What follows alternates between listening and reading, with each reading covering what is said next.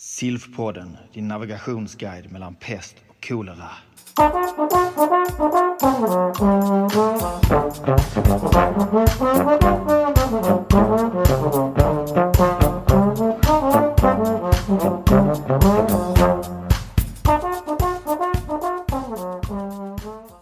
Hej och eh, välkomna allesammans till eh, detta webbinarium som kommer att handla om SILFs månadsutbildningar.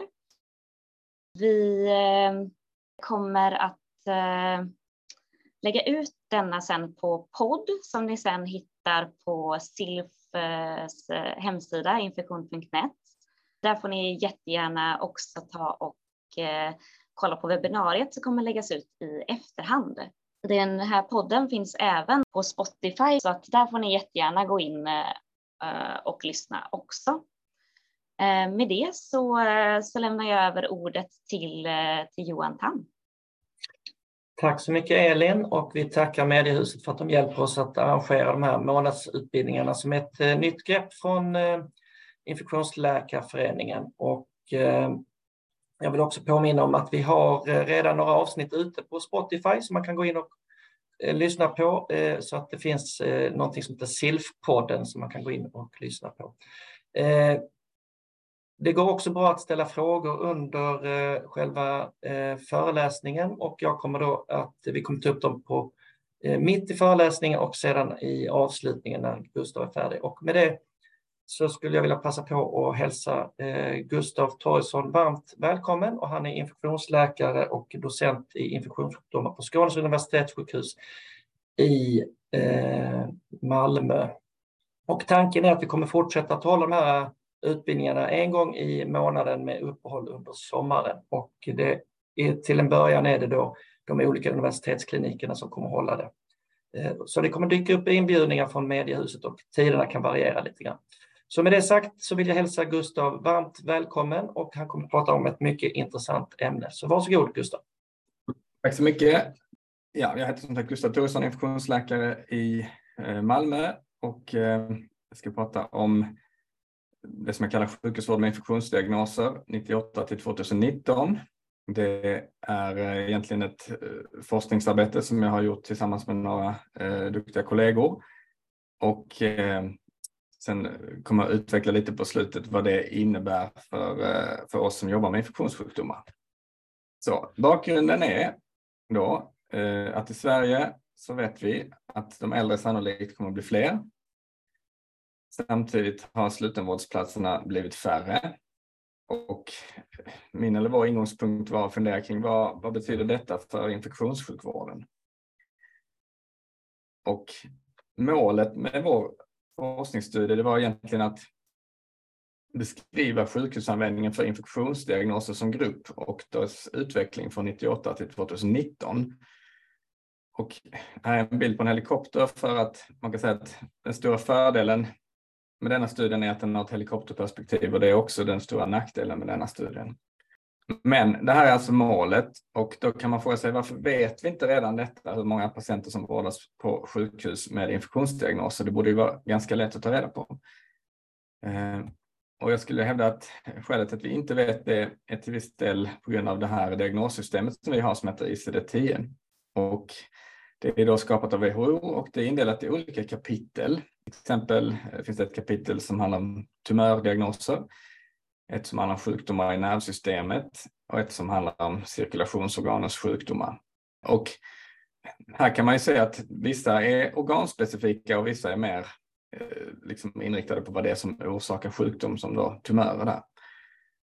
Och det är ju så att när man delar in något i, på ett visst sätt så, så kommer denna indelningen att bli använd.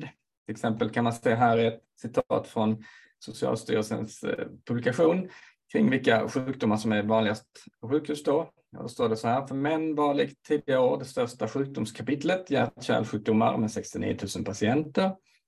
Därefter var symptomdiagnoser och matsmältningsorganens sjukdom de vanligast förekommande med 53 000 respektive 44 000. Tumörer, psykiska sjukdomar, urin och könsorganens sjukdomar var också stora grupper med omkring 30 000 i varje grupp. Här står ingenting om infektioner. Och det är, vill jag hävda då, att det beror på att infektionsdiagnoser är svåra att överblicka i detta systemet.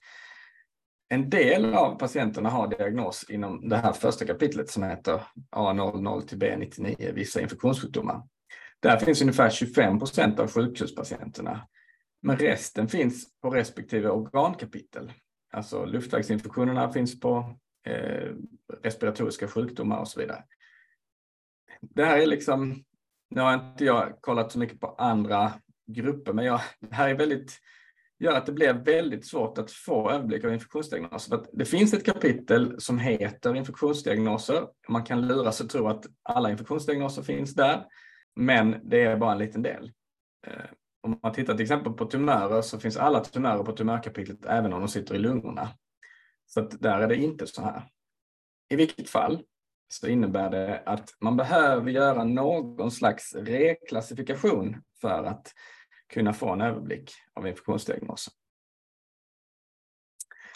Så gjorde vi. Vi gick igenom eh, strax över 9000 ICD-diagnoser och bestämde oss för att de antingen var då infektionsdiagnoser, ID, eller icke-infektionsdiagnoser. Och då kan man säga att vi utgick, det finns två tidigare studier som har gjort detta. Vi utgick från en klassifikation från Nya Zeeland som hade gjort eh, liknande där och eh, gick igenom samtliga diagnoser och tvingade in dem i någon av de här kategorierna. I vissa fall är det rätt så svårt, vissa ligger helt klart i gränslandet och så. Eh, vi ska inte gå in på djupet på det, men vi har i alla fall tagit samtliga diagnoser och delat upp dem så här. Och sen då rekvirerade vi data från patientregistret hos Socialstyrelsen. Och det var aggregerad data så att det var alltså i princip hur många har vårdats på sjukhus med diagnosen pneumoni under detta året. Vi tittade bara på huvuddiagnoser. Det finns för och nackdelar med det, vi kommer återkomma till det men enbart huvuddiagnoser. Vi tittade enbart på vuxna, alltså över 18 år. Och eh, under perioden 1998 som var det år när ICD-10 infördes i Sverige eh, till 2019, det vill säga fram till pandemin för att efter det så blev det ju såklart konstigt. Eh, I alla fall så var det 24 miljoner vårdtillfällen Eh, i Sverige som klassades som att de hade en infektionsdiagnos eller icke-infektionsdiagnos som huvuddiagnos. Om man då tittar på eh, resultaten här, antal vårdtillfällen, kan man säga att eh, vi har för icke-infektionsdiagnoser då, här har vi antal vårdtillfällen på y-axeln och årtal på x-axeln så ser man att det minskar. Och för infektionsdiagnoser så ser det ut så där. Men det är rätt så svårt att få en blick över, eller överblick över trenden där, för det är så pass små tal. Så att om man istället då tittar på vårdtillfällen i Sverige och trenden, så har vi trend på y-axeln istället, så kan man säga att antal vårdtillfällen per capita minskar med eh, 25 procent för icke-infektionsdiagnoser samtidigt som de ökar med 32 procent för infektionsdiagnoserna. Detta innebär ju att andelen vårdtillfällen där patienten har en infektionsdiagnos ökar såklart. Och den ökar då från ungefär 11 procent där runt millennieskiftet till 17 procent nu. Så att från var nionde till var sjätte patient som läggs in har en infektionsdiagnos som huvuddiagnos ungefär. Men inläggningar är ju inte allt, utan det är också hur länge man vårdas på sjukhus. Så att vi tittar också på medelvårdtid. Och då har vi antal vårddygn på y-axeln. Ehm, och då kan man se att medelvårdtiden för de som vårdas för en icke-infektiös diagnos eh, har minskat från 5,9 till 4,6 dygn. Medan för infektionsdiagnoserna så har den också minskat, men minskningen är mindre. Att gapet har ökat. Det innebär att om man tittar på vårddygn då, som egentligen är den kanske parameter som är mest kopplad till så att säga resursutnyttjande och så.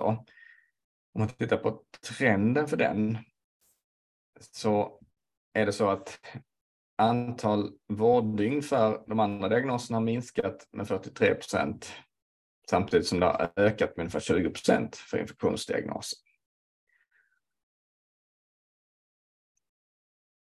Och om man då ser i hur stor andel av vårddygnen på sjukhus har patienten en infektionsdiagnos. Så det här var den vi hade innan med vårdtillfällen. Men om man tar vårddygnen så har det ökat från ungefär 11 procent till 21 procent.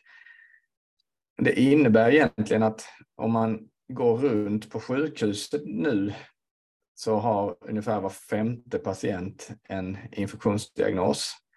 Medan för 20 år sedan var det ungefär var nionde patient. Så att man kan säga att andelen vårddygn med infektionsdiagnos har ökat och att det leder ju till en liksom förändrad case mix på sjukhus med fler patienter som Eh, har infektionsdiagnoser. Och både fler vårdtillfällen och en längre vårdtid har bidragit till detta. Då undrar man så här, ja men hur ser det ut i åldersgrupper här då? Och eh, då har vi med infektionsdiagnos först, ser man att här är de yngsta, 20 till 49, lite äldre, lite äldre och sen 70 till 79 och 80 plus. Så man kan se att det finns en tydlig ökning av eh, antal vårdtillfällen per capita i den äldsta gruppen. Det är den som har högst och det är den som ökar mest. Det ökar i alla grupper men det ökar mest i den gruppen. Och då kanske man tänker, ja men alla sjukhus vårdas väl mer och mer hos äldre. Men om man tittar på icke-infektionsdiagnoser motsvarande siffror så är det inte riktigt samma trend där utan där minskar sjukvårdskonsumtionen i alla grupper, eh, även hos de äldsta. Man kan säga att eh, infektionsdiagnoserna då ökar mest bland de allra äldsta, alltså de som är över 80. Ökar i alla åldrar, men mest där. Och en fråga man ställer sig då är vilka infektioner eller diagnoser var vanligast? Och här är det viktigt att liksom komma ihåg att här eh, minskar man lite på det här helikopterperspektivet. För börjar man titta på enskilda grupper så kommer eh, förändringar till exempel i diagnostik att, att spela in mer och mer. Eh, till exempel så är det svårt att säga ifall en ökning av spondylodoskit består av en reell ökning eller en ökad tillgång till MR-undersökningar och så vidare. Så att man ska ta, så fort man börjar subgruppera detta så tycker jag man ska ta siffrorna med rätt stor nypa salt. Eh, men vi gjorde i alla fall så att vi eh, vidare klassificerade de här diagnoserna till 13 liksom, subkategorier. Och de står här då. Och om man tittar vilka som var vanligast så var det absolut vanligaste nedre luftvägsinfektion, alltså lower respiratory tract infection. Eh, urinvägsinfektioner, sen är det en rätt så stor grupp med annat, eh, hudmjukdel, eh, bloodstream infections och där är också ett sådant område där eh, diagnoskoderna är rätt så dåliga på att fånga den faktiska incidensen. Så man ska vara lite Eh, lite skeptisk till siffrorna här tycker jag. Eh, men det som man kanske också är intresserad av att veta är vilka infektionsdiagnoser verkar det öka mest? Och då finns det den grupp som kallas complications som framförallt är då komplikationer efter, efter kirurgiska ingrepp ökar eh, absolut mest. Det kan ju vara att man har ändrat tendensen till att sätta de koderna eller sådär. Så att, som sagt, man måste vara försiktig med tolkningen här cardiovascular är nästan eh, enbart endokardit eh, och där kan det också vara så att man har fått bättre möjligheter att diagnostisera. Eh, men någonting i detta är ju intressant att om man, det ser ut i alla fall som möjligtvis att de komplicerade diagnoserna ökar mer och de lite lindrigare diagnoserna som övre luftvägsinfektion och gastroenterit, de verkar närmast minska. Eh, så komplicerade infektionsdiagnoser verkar öka mest, men som sagt en nypa salt. Eh, ska man fundera på vad, vad finns det för fallgropar med en sån här typ av analys? Det finns ganska många. Eh, en sak är då att vi har eh, applicerat en, en, en, helt subjektiv klassifikation. Vi har hittat på vilka diagnoser som är infektionsdiagnoser respektive inte. Eh, och det kommer man ju inte riktigt ifrån för att det finns ingen etablerad klassifikation. Eh, och man kan säga att vi har gjort olika sensitivitetsanalyser och sett det ändrar sig inte om man ändrar klassifikationen lite grann. Av de allra vanligaste diagnoserna är det ju många som är självklara. Det är lunginflammationer, det är pyelonefrit, det är reciplas och sepsis. Så att, visst, den är subjektiv, men jag tror att det, skillnaden kommer att bli på marginalen eh, ändå. Sen så en annan sak är att infektionsdiagnoser är ju ofta rätt så osäkra.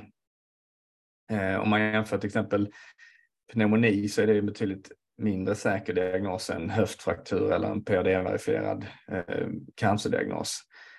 Så att man måste ha en viss ödmjukhet i det. Och sen så kan det spela in då med förändringar i diagnostik. Ehm, till exempel kan man se att influensadiagnoser går upp jättemycket när de här PCR har flyttat ut på eh, akutmottagningarna. Ehm, och som jag var inne på innan, eh, MR vid spondylit, TE vid endokardit. Sådana saker kan ju förändra. Eh, här, kodningsmönster kan också förändra att man börja koda mer eller annorlunda på något sätt. Sen så som jag sa så har vi bara tittat på huvuddiagnoser.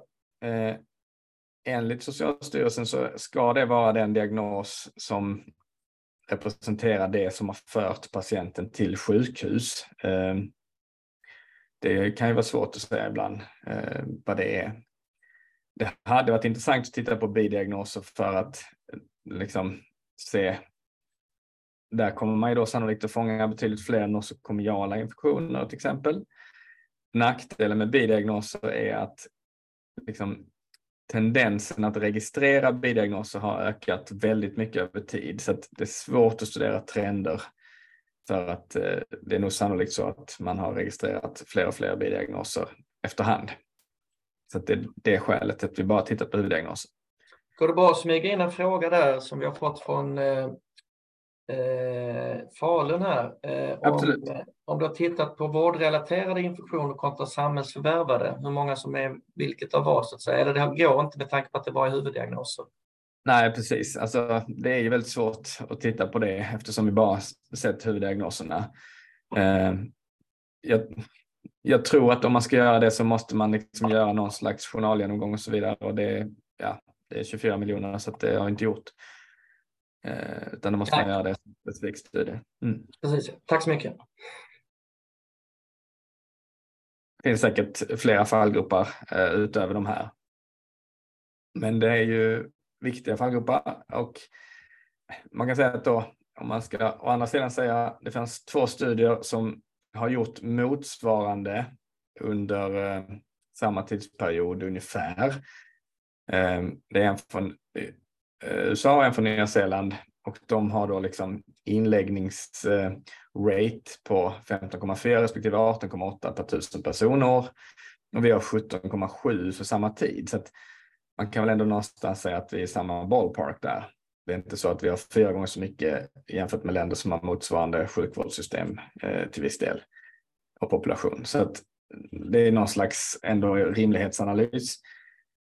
Sen kan man se då hos ECDC finns det data på den här liksom parametern antibiotikaförsäljning till sjukhussektorn. Det är en väldigt grov eh, liksom, proxy.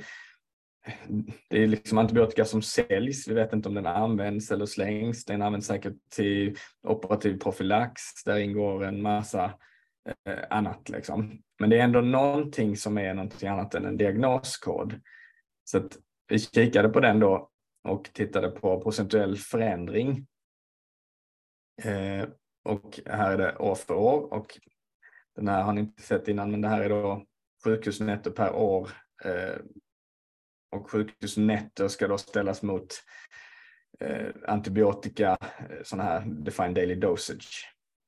Eh, och jag tror inte man ska dra så mycket växlar på att de liksom är ganska lika, men det man nog ska i alla fall konstatera att eh, även sjukhusförsäljningen till sjuk även antibiotikaförsäljningen till sjukhus har ökat.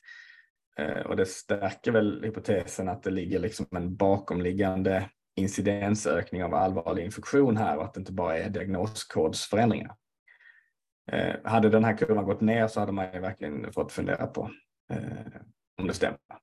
Men som sagt, en grov eh, proxy, men i alla fall någonting annat än koder. Då kan man fundera på varför stiger andelen med infektionsdiagnos då? Det enkla svaret är att vi vet inte, för att vi har inte tittat på det. Eh, om man ska liksom säga en sak som det inte beror på, så beror det inte på att befolkningen har blivit äldre. Vi har justerat för åldersförändringar i befolkningen i den här analysen så att alla siffror är så att säga åldersjusterade. Så att det beror inte på det. Om man ska spekulera så kan man tänka sig liksom att vi har, det görs fler ingrepp och det finns fler immunhämmande behandlingar som kanske, eller som sannolikt då är ju väldigt värdefulla för de eh, som får dem, men för väldigt många nya behandlingar, både operativa och medicinska, så är det den primära komplikationen är en infektionskomplikation. Så att de kanske liksom på det stora hela är väldigt bra, men, men om det händer något så är det en infektion. Man kan också tänka sig att infektion kanske är en frailty-markör, att vi har lyckats så pass mycket bättre med liksom kardiovaskulär prevention och så, så att folk blir äldre och sen är det en infektion som som slår till. Eh, men det är rent spekulativt. Vi, det är liksom, vi vet inte varför den här andelen stiger. Om man då ska fundera lite på framtiden här eh, så är det så att Statistiska centralbyrån de eh, publicerar ju befolkningsprognoser framåt. Då har jag valt att titta på fram till 2050 ungefär. Och då kan man se procentuell förändring här på y-axeln och tid på x-axeln. Och eh, då kan man säga att 20 till 49-åringar förväntas inte öka särskilt mycket. 50 till 59-åringar förväntas inte heller öka så mycket.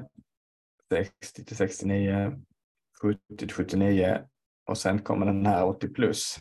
Så att det här är ju en liksom, en dramatisk prognos som kommer få många, många, eller stor betydelse på många fronter i samhället såklart. Eh, men om man då ska liksom fundera på vad det betyder utifrån våra data så har vi applicerat våra data från den senaste perioden på den här befolkningsprognosen. Och det bygger på två helt egentligen orimliga antaganden. Eh, det första är att incidensen från 2015 till 2019 håller sig konstant. Eh, det är inte så sannolikt. Och det andra är att befolkningsprognosen blir helt rätt. Det är inte heller så sannolikt. Men vi syftar då till att på något sätt grovt försöka uppskatta effekten av eh, den demografiska förändringen som är förväntad.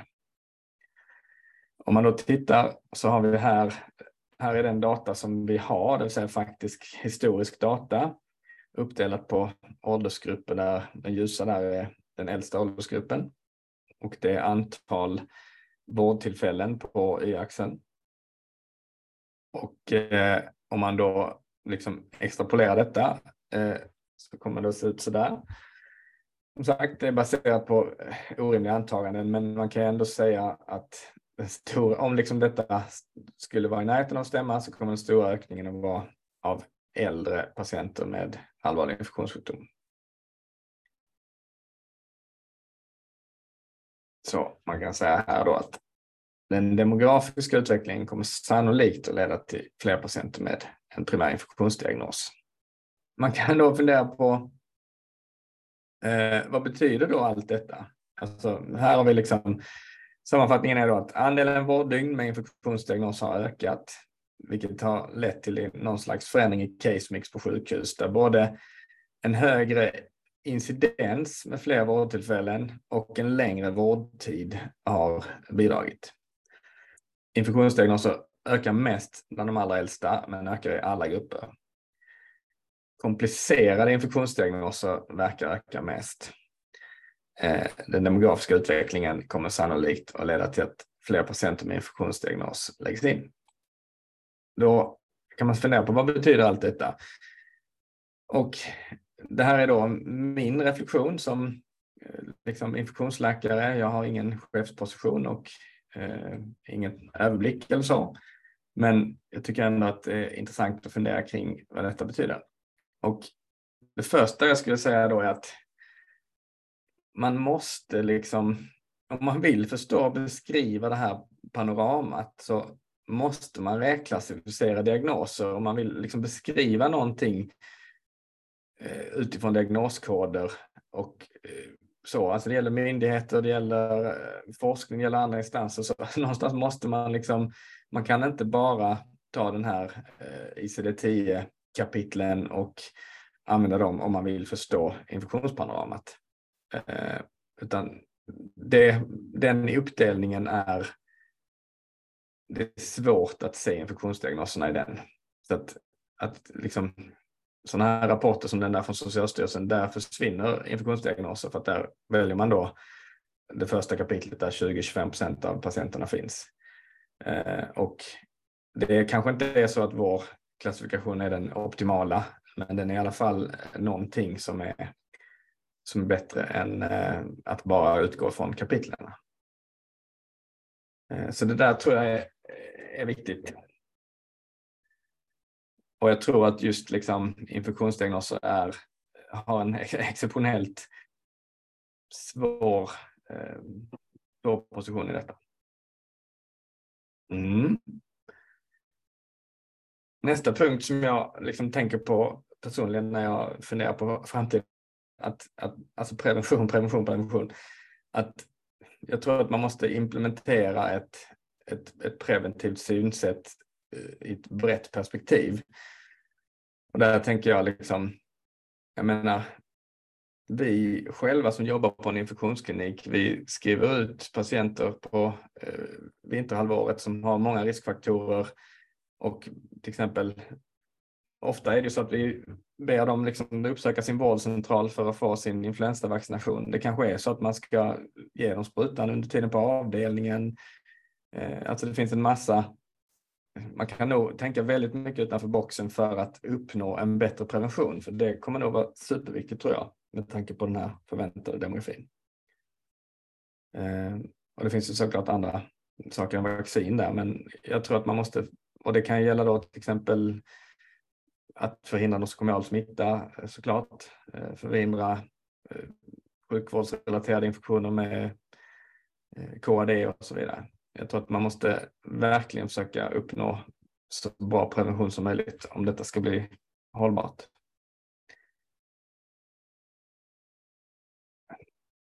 Sen är det ju så att det finns en ökad komplexitet i både diagnostik och behandling av infektioner. Eh, det är fler patienter som har främmande material, det finns nya immunsuppressiva, vi har en ökande, även om vi har en låg så har vi en ökande resistensproblematik. Och allt detta bidrar till en liksom, komplexitet och det tycker jag ofta att jag känner själv att det finns inga finns inga lätta patienter längre utan eh, alla är, många av patienterna är väldigt komplexa. Och det tror jag leder till att det finns ett stort behov av infektionskompetens på akutmottagningar för att det som är speciellt med infektioner är ju dels att man måste ofta säkra eh, diagnostik innan man väljer behandling och sen så måste man välja empirisk behandling utan att ha diagnostiken klar. Eh, om då var femte patient på sjukhuset har en infektionsdiagnos och man ser en, att det blir mer och mer komplexa val när det gäller diagnostik och behandling så tror jag att man eh, kommer behöva ha en hög infektionskompetens på akutmottagningar. Sen kan man fundera på var patienterna ska vårdas. Eh, när jag började här i Malmö för 11 år sedan så hade vi två infektionskonsulter nu har vi fyra. Och då kan man säga att ja, det är säkert en uppskattad tjänst eftersom det finns ett stort efterfrågan.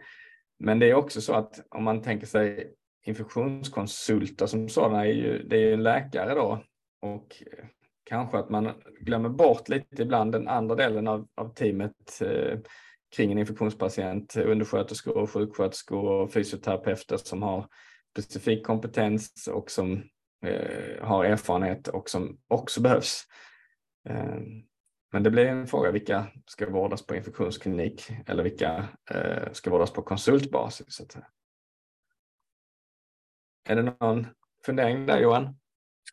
Ja, det är en fundering från Stefan Stenmark som bara kommenterar eh, kring rapporten. Då. då är det åtta regioner som anger sig ha eh, Eh, tillräckligt, med, tillräckligt bemanning för att bedriva en ändamålsenlig verksamhet. Eh, jag vet inte riktigt eh, hur man ska kommentera det, Gustav.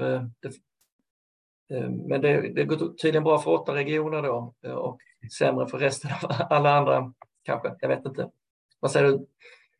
Nej, jag säger väl med att alltså, det man kan säga här är väl att detta är väldigt mycket i linje med SILFs visionsdokument, tänker jag. Eh, när man läser om det. Eh, så. Jag håller med dig. Jag tycker lite grann så blir det på något sätt som att vi, vi behöver hela teamet för att bedöma en patient. Vi pratar hela tiden om att flera ögon ser saker och ting, men om man inte riktigt vet vad man ska leta efter. Så att här har man ju infektionssjuksköterskor som ett jätteviktigt verktyg och eh, även undersköterskorna som är vana vid att titta och bedöma så. Och då hamnar de på andra enheter som tar hand om eh, så kallat våra patienter. Så att jag håller helt med om och särskilt då som man tänker sig att eh, patienterna är mycket mer komplexa också. Det ställer högre krav på sjuksköterskor, undersköterskor och på oss som konsulter eh, att bedriva sjukvård på en annan enhet. Så för min del känns det rätt så uppenbart att vi behöver fler vårdplatser på infektionsklinik och att det är det som man måste eh, om man nu ska ha lite vision i detta, att det är viktigt att bygga upp det. Och precis som du sa att vår närvaro på akuten är helt avgörande för att patienten kommer in på rätt spår från början.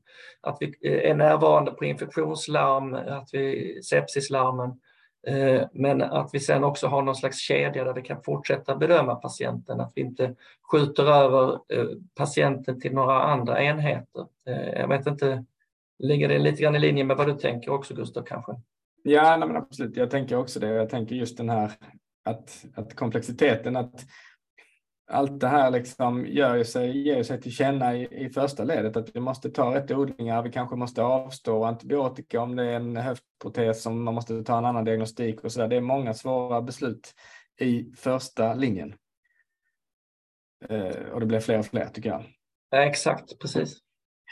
Ja, sen har jag funderat på det här med liksom att, att att vårdtiderna är längre för då patienter med infektionsdiagnos. Vad, vad beror det på? Vad kan vi göra med det? Där tänker jag att dels är det ju såklart att försöka följa rekommendationer kring, eh, kring behandlingslängd och så. Eh, men sen har vi ju det här med att liksom förändra logistik. Vi har ju i Malmö det här mobila sjukhusteamet nu då som eh, ger intravenös antibiotika upp till tre gånger per dygn i hemmet som verkar fungera väldigt bra. Patienterna är väldigt nöjda. Och eh, det kanske är ett sätt att, att förändra saker framöver. Man kan också fundera på liksom, om man ska öka andelen antibiotika med lång halveringstid, alltså ceftriaxon, Invans, Dalbavancin och liknande för att eh, minska belastningen på, på vårdplatser så att säga. Eh, sen kan man då fundera på vad kommer vi ha ett behov av intermediärvårdsplatser, det tror jag. Ehm, man, jag såg någon rapport att en genomsnittlig IMA-patient är ungefär 10 år äldre än en genomsnittlig IVA-patient. Och eh, om vi då får ett stort antal äldre som, som kommer med septisk chock eh, så min liksom, känsla är att vi går mot mycket tidigare vasopressorer på dem eh, och då kommer vi att behöva fler eh, intermediärvårdsplatser. Förr i tiden känns det som att man fick både, ja, man fick mer vätska och sen så eh, var det liksom svårare att komma till vasopressorum som sannolikt då är en bättre behandling. Eh, så det tror jag att man kommer behöva mer av eh, framöver. Sen så kommer man ju liksom, man kan alltid säga att vi behöver mer resurser. Det är liksom aldrig någon som behöver mindre resurser. Men man kan fundera på vilka resurser kommer behöva prioriteras. Är det eh, personal med rätt utbildning, rätt lokaler, diagnostisk kapacitet eh, och så vidare. Det, det här är liksom en fråga som är högre upp eh, än vad jag är, men jag tycker det är viktigt att man funderar kring det just av just att infektionspatienter har blivit en så pass mycket större andel av patienterna på sjukhus. Jag vet inte om det är någon annan kommentar där. Nej, men jag håller med dig som jag som jobbar med intermediärvård eh, och eh, man kan väl också lite grann fundera på eh, eh lite grann kring eh, vårdnivåsbeslut. Eh, det är kanske inte riktigt lika tillgängligt att lägga en 80-plussare på intensivvården medan man kan alltid ge dem lite intermediärvård och många gånger blir patienten bättre. Men det är också en fråga som dyker upp och det är lite grann hur, hur länge eh, ska man bedriva sjukvård på patienter som är äldre? Eh, det är en annan eh, aspekt på det hela. Sen tror jag att just som mobilt sjukhusteam jobbar i Malmö har det varit en enorm eh, förbättring eh, för oss här att eh, man minskar risken för nosokomial smitta och eh, patienter har mindre falltrauman och liknande och det där kan nog vara någonting som jag tror att man får titta på i övriga delar av landet också. Eh, för det tycker jag, upplever jag har varit väldigt bra eh, som en buffert för oss på sjukhuset. Men det kommer mm. säkert behövas fler intermediärvårdsplatser och det håller vi på att bygga upp. Vi har ju den här nationella naggen där vi försöker utveckla den ännu mer och jag tror att det är viktigt att vi som infektionsläkare och infektionskliniker också steppar upp därför att det är mycket av våra patienter som behöver den här intermediärvården. Jag tänkte på det, vet man hur stor andel av intermediärvårdspatienter som är liksom infektionspatienter? Det finns inget nationellt dataregister än utan det kommer att komma igång någonting som heter PAS-IMA. Eh, men min gissning är att det är en väldigt stor andel. Sen är det klart att det finns andra internmedicinska diagnoser som vi inte ser på samma sätt. Men eh, jag skulle gissa att det är en... Eh, jag skulle säga att det speglar nog din beskrivning från början här också, att den här andelen ökar också. Mm. Ja. Eh, det var liksom de punkterna som jag funderade på vad, vad den här studien så att säga innebär för vårt arbete och för eh, Ja, här kommer en kommentar från eh, Stefan Stenmark i Umeå och eh, där skriver han bara att SILF och infektionsklinikerna kan använda rapporter som del i argumentationen för att utbilda fler och ökade resurser till hela infektionssjukvården. Och jag tror att vi har använt eh, din studie och vi får ju fortsätta göra reklam för den och vi får prata med både politiker och sjukhusledningar. Det här är ett jättebra instrument för oss, eh, olika infektionskliniker, för att argumentera för att vi verkligen behövs. Precis. Eh, och, och på alla sjukhus. Eh, även på Nya Karolinska sjukhuset i Solna eh, till exempel, om man nu ska peka ut någon som skulle bara ha ett rent sjukhus, eh, vilket verkar vara ett stort feltänk. Ehm, utan att sticka ut hakan allt för mycket. Nej, men eh, absolut. Och jag, men jag tror som sagt att man behöver fundera mycket kring det här med prevention på olika, på olika sätt. Ehm, för att det är såklart bättre att kunna förhindra än att vara reaktiv. Mm.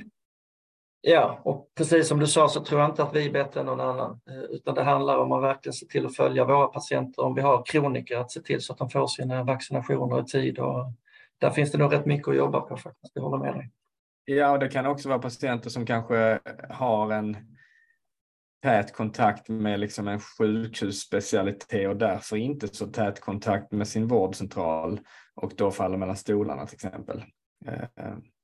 Det känns ju också som att det har man sett ett par gånger. Och det kanske är patienter som då har ett jättestort behov eftersom de är immunsupprimerade eller liknande. Mm. Bra. Jag tänkte bara sammanfatta egentligen då lite att man kan säga våra resultat antyder att det finns en ökande incidens av allvarlig infektion och en skiftande case mix på våra svenska sjukhus eh, med större andel eh, patienter som har allvarlig infektion. Jag tror att denna trend kommer sannolikt att bestå på grund av den demografiska utvecklingen. Och jag tror att våra sjukvårdssystem kommer behöva förhålla sig till detta på något sätt. Eh, hur man ska använda den rent, liksom den här informationen rent praktiskt i vilka sammanhang och så, det tycker jag är svårt att eh, förutsäga. Eh, men det var i princip det jag tänkte säga. Eh, där är min mailadress om det är någon som vill mejla någon fråga eller så. Och här är eh, ja, en, en, bild på den här artikeln då. Och ehm, ja, den är såklart tillgänglig på, en, ja, på den tidskriften som heter Lancet Regional Health i Europe. Mm. Stort tack Gustav, jätteintressant. Eh, och sen så får man också fundera på om eh, vår landstings eller region, eh, regionanställda personal gör rätt saker. Eh, jag är så pass gammal så att jag har upplevt lågkonjunkturer eh, eh, tidigare eh, och eh, det var ju på något sätt så att då eh, kunde man rensa bort det som inte kanske var den allra viktigaste delen av ens arbete. Och nu har vi haft högkonjunktur under många, många, många år där vi har byggt på vår regionala sjukvård med olika instrument och man kan fundera på om vi gör det är ju fler anställda sjuksköterskor och läkare någonsin på sjukhusen, men vi kan ta hand om färre och färre patienter. Det, dels är de ju mer komplexa, men sen får man ju fundera på om alla arbetsuppgifter som vi gör på sjukhusen är, är de rätta, tänker jag. Ehm, men det är också ovanför våra eh, huvud på något sätt, Gustav. Ja, och där som sagt, jag tror att vi, vi tänker för lite på prevention på sjukhus. Ja. Um, har studien genererat några hypoteser som du tänker gå vidare på nu? Vad ligger nästa, vad ligger i pipeline för dig Gustav? Ehm. Ja, i pipeline kan man säga att det jag jobbar lite med nu är att fundera på hur man ska kunna ta reda på hur stor andel av eh, patienterna som söker på en akutmottagning som har, en, eh, har behov av infektionskompetens. Eh, alltså inte bara de som blir inlagda utan av alla sökande på en akutmottagning, hur, eh, hur många har liksom behov av infektionskompetens. Det är en studie som jag håller på att planera nu hur man ska lägga upp. Det är lite svårare för att diagnoser på akutmottagningar ännu, har ännu sämre validitet för det är många som får liksom hosta eller dyspné eller den typen av symptomdiagnoser. Så det finns andra utmaningar med det, men det är väl den närmsta spinoffen här så att säga. Det vill säga att vi ska titta på rätt patient nere på akutmottagningen då på något sätt, eller är det så du tänker? Eller? Nej, jag tänker inte riktigt så, utan jag tänker mer i breda perspektiv, liksom hur, alltså, vilka behov finns av, av liksom infektionskompetens på akutmottagningarna sett som att hur stor andel av patienterna har en liksom, eh, misstanke om eller så småningom verifierad infektion eh, för att kunna liksom, Eh, på något sätt försöka kvantifiera vad behovet är där. Och nästa steg där är då i så fall att titta på hur stor andel har en så att säga komplex infektion, alltså främmande material, eh, immunsuppression och så vidare. Mm. Jätteintressant. Ehm, stort, stort tack Gustav för ett mycket värdefullt arbete och som kanske kan tjäna som en liten inspiration för alla de som kämpar på sina olika respektive infektionskliniker i Sverige. Ehm, jag tänkte kanske att vi i sånt fall, jag har inte sett att det har kommit fler eh, eh, frågor på eh, våra, eh, vår länk här. Så att vi kanske ska bjuda in Elin eh, från Mediahuset här, för vi har lite andra saker och ting som ligger i pipeline här. Ehm, vi ser. Så, tack så mycket. Det här är ju ett återkommande eh, grej så att vi kommer ju fortfarande att eh, Eh, ja, eh, lägga upp fler eh, event som ni kan anmäla er till i den här serien. Eh, och sen så vill jag också passa på att eh, även påminna om att vi har ju detta webbinariet också, ett vaccinationswebbinarium om splenektomi 10 maj, så där kan ni också redan nu gå in och anmäla er. Ehm, eh, och med det så vill jag önska er en fortsatt fin dag. Ha det så bra. Stort tack till Elin och tack för er som har lyssnat. Tack så mycket. Tack, tack. Stort tack än en gång, Gustav. Tack, tack, tack. Ha det gott. Mm, detsamma. Hej.